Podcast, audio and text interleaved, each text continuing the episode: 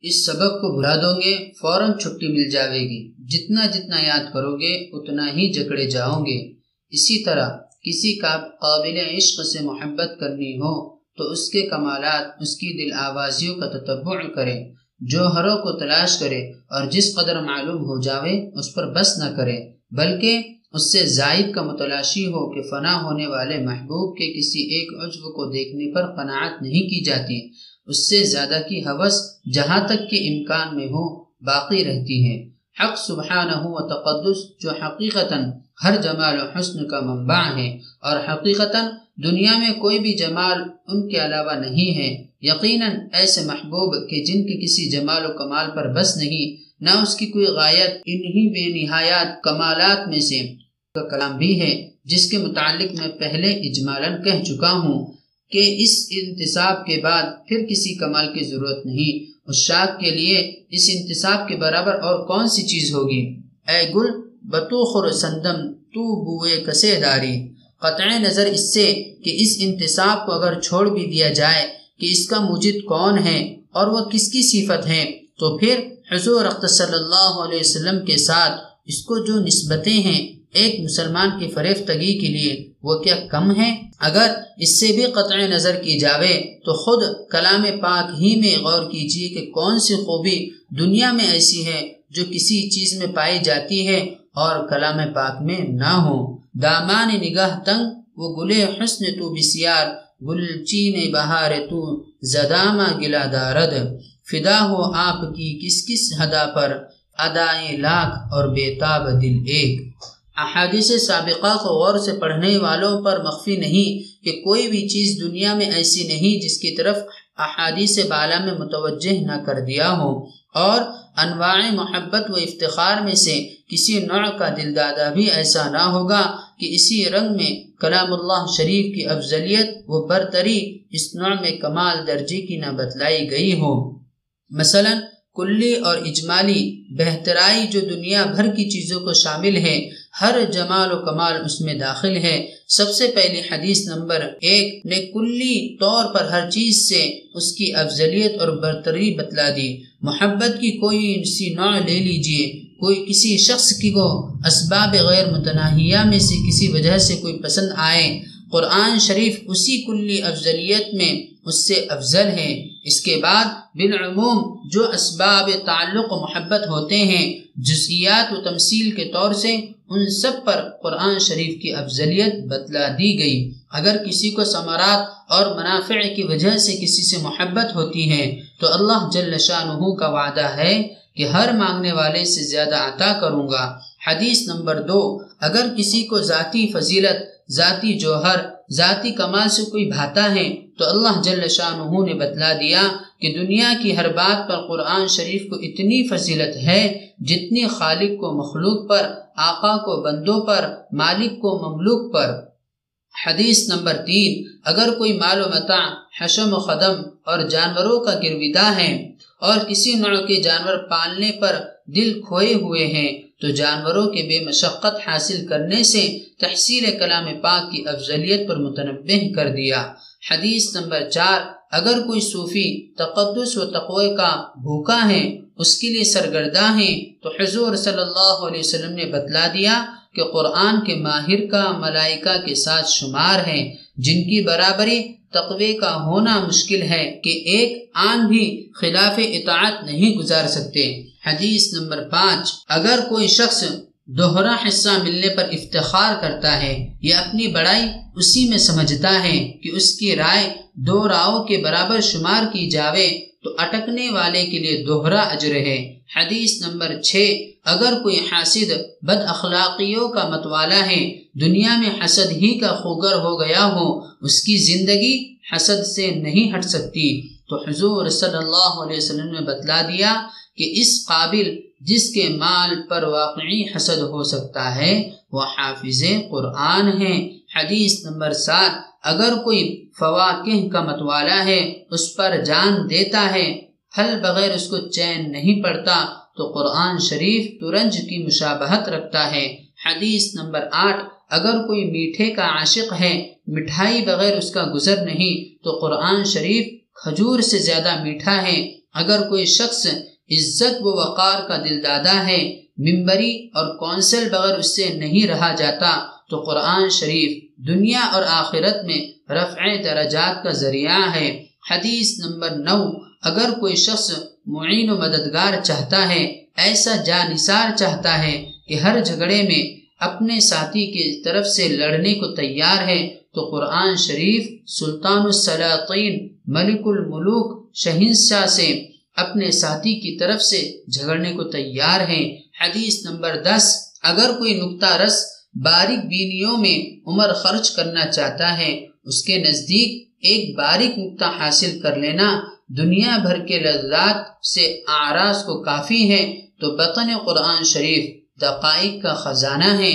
حدیث نمبر گیارہ، اسی طرح اگر کوئی شخص مخفی رازوں کا پتہ لگانا کمال سمجھتا ہے۔ محکمہ سی آئی ڈی میں تجربے کو ہنر سمجھتا ہے۔ عمر کھپاتا ہے تو بطن قرآن شریف ان اسرار مخفیہ پر متنبع کرتا ہے جن کی انتہا نہیں۔ اگر کوئی شخص اونچے مکانات بنانے پر مر رہا ہے، ساتویں منزل پر اپنا خاص کمرہ بنانا چاہتا ہے، تو قرآن شریف ساتویں ہزار منزل پر پہنچاتا ہے۔ حدیث نمبر بارہ، اگر کوئی اس کا گرویدہ ہے کہ ایسی سہل تجارت کروں جس میں محنت کچھ نہ ہو اور نفع بہت زیادہ ہو جاوے، تو قرآن شریف ایک حرف پر دس نیکیاں دلاتا ہے۔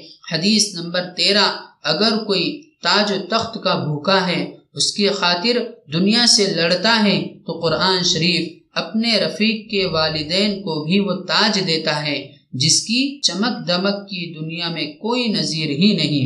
حدیث نمبر چودہ، اگر کوئی شعبدہ بازی میں کمال پیدا کرتا ہے، آگ ہاتھ پر رکھتا ہے، جلتی دیا سلائی منہ میں رکھ لیتا ہے، تو قرآن شریف جہنم تک کی آگ کو اثر کرنے سے معنی ہیں۔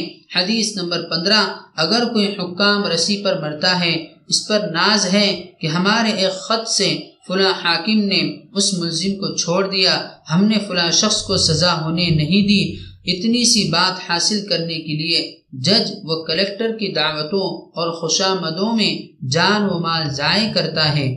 ہر روز کسی نہ کسی حاکم کی دعوت میں سرگردہ رہتا ہے۔ تو قرآن شریف اپنے ہر رفیق کے ذریعے ایسے دس شخصوں کو خلاصی دلاتا ہے جن کو جہنم کا حکم مل چکا ہے۔ حدیث نمبر سولہ، اگر کوئی خوشبوؤں پر مرتا ہے، چمن اور پھولوں کا دل دادا ہے، تو قرآن شریف بال چھڑ ہے۔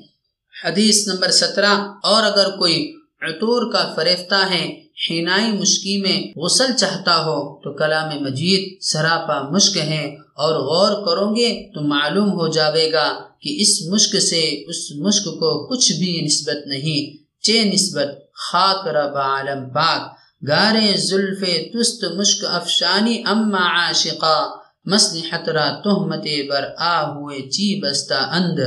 حدیث نمبر اٹھارہ، اگر کوئی جوتا کا آشنا ڈر سے کوئی کام کر سکتا ہے، تو ترغیب اس کے لیے کارآمد نہیں۔ تو قرآن شریف سے خالی ہونا گھر کی بربادی کے برابر ہے۔ حدیث نمبر انیس، اگر کوئی عابد افضل العبادات کی تحقیق میں رہتا ہے اور ہر کام میں اس کا متمنی ہے کہ جس چیز میں زیادہ ثواب ہو، اسی میں مشغول رہوں۔ تو قراءت قرآن افضل العبادات ہے۔ اور تصریح سے بتلا دیا کہ نفل نماز، روزہ تسبیح و تحلیل وغیرہ سب سے افضل ہے۔ حدیث نمبر بیس، بہت سے لوگوں کو حاملہ جانوروں سے دلچسپی ہے۔ حاملہ جانور قیمتی داموں میں خریدے جاتے ہیں۔ حضور صلی اللہ علیہ وسلم نے متنبع فرما دیا اور خصوصیت سے اس جزو کو بھی مثال میں ذکر فرمایا کہ قرآن شریف اس سے بھی افضل ہے۔ حدیث نمبر اکیس، اکثر لوگوں کو صحت کی فکر دامن گیر رہتی ہے۔ ورزش کرتے ہیں،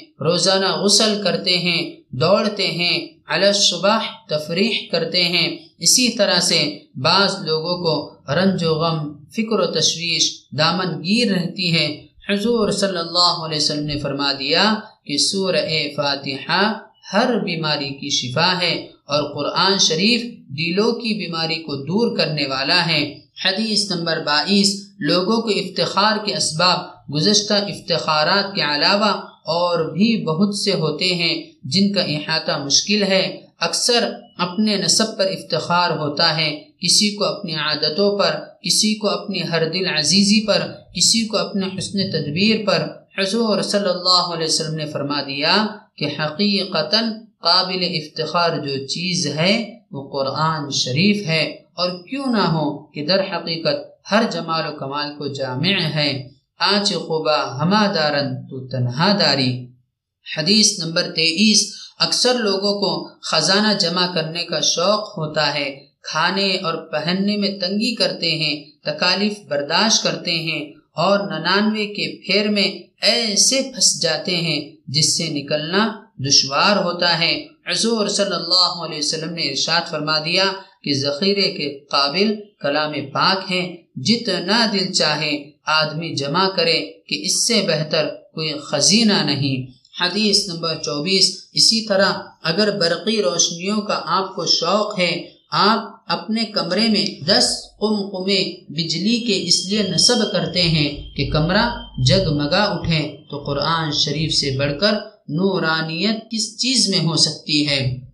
حدیث نمبر پچیس، اگر آپ اس پر جان دیتے ہیں کہ آپ کے پاس ہدایہ آیا کرے، دوست روزانہ کچھ نہ کچھ بھیجتے رہا کرے، آپ توسیع تعلقات اسی کے خاطر کرتے ہیں جو دوست آشنا اپنے باغ کے پھلوں میں آپ کا حصہ نہ لگائے، آپ اس کی شکایت کرتے ہیں۔ تو قرآن شریف سے بہتر تحائف دینے والا کون ہے کہ سکینہ اس کے پاس بھیجی جاتی ہے؟ بس آپ کے کسی پر مرنے کی اگر یہی وجہ ہے کہ وہ آپ کے پاس روزانہ کچھ نذرانہ لاتا ہے، تو قرآن شریف میں اس کا بھی بدل ہے۔ حدیث نمبر چھبیس، اور اگر آپ کسی وزیر کے لیے اس لیے ہر وقت قدم چومتے ہیں کہ وہ دربار میں آپ کا ذکر کر دے گا کسی پیشکار کی اس لیے خوشامد کرتے ہیں کہ وہ کلیکٹر کے یہاں آپ کی کچھ تعریف کر دے گا۔ یا کسی کی آپ اس لیے چاپلوسی کرتے ہیں کہ محبوب کی مجلس میں آپ کا ذکر کر دے تو قرآن شریف، احکم الحاکمین، محبوب حقیقی کے دربار میں آپ کا ذکر خود محبوب و آقا کی زبان سے کراتا ہے۔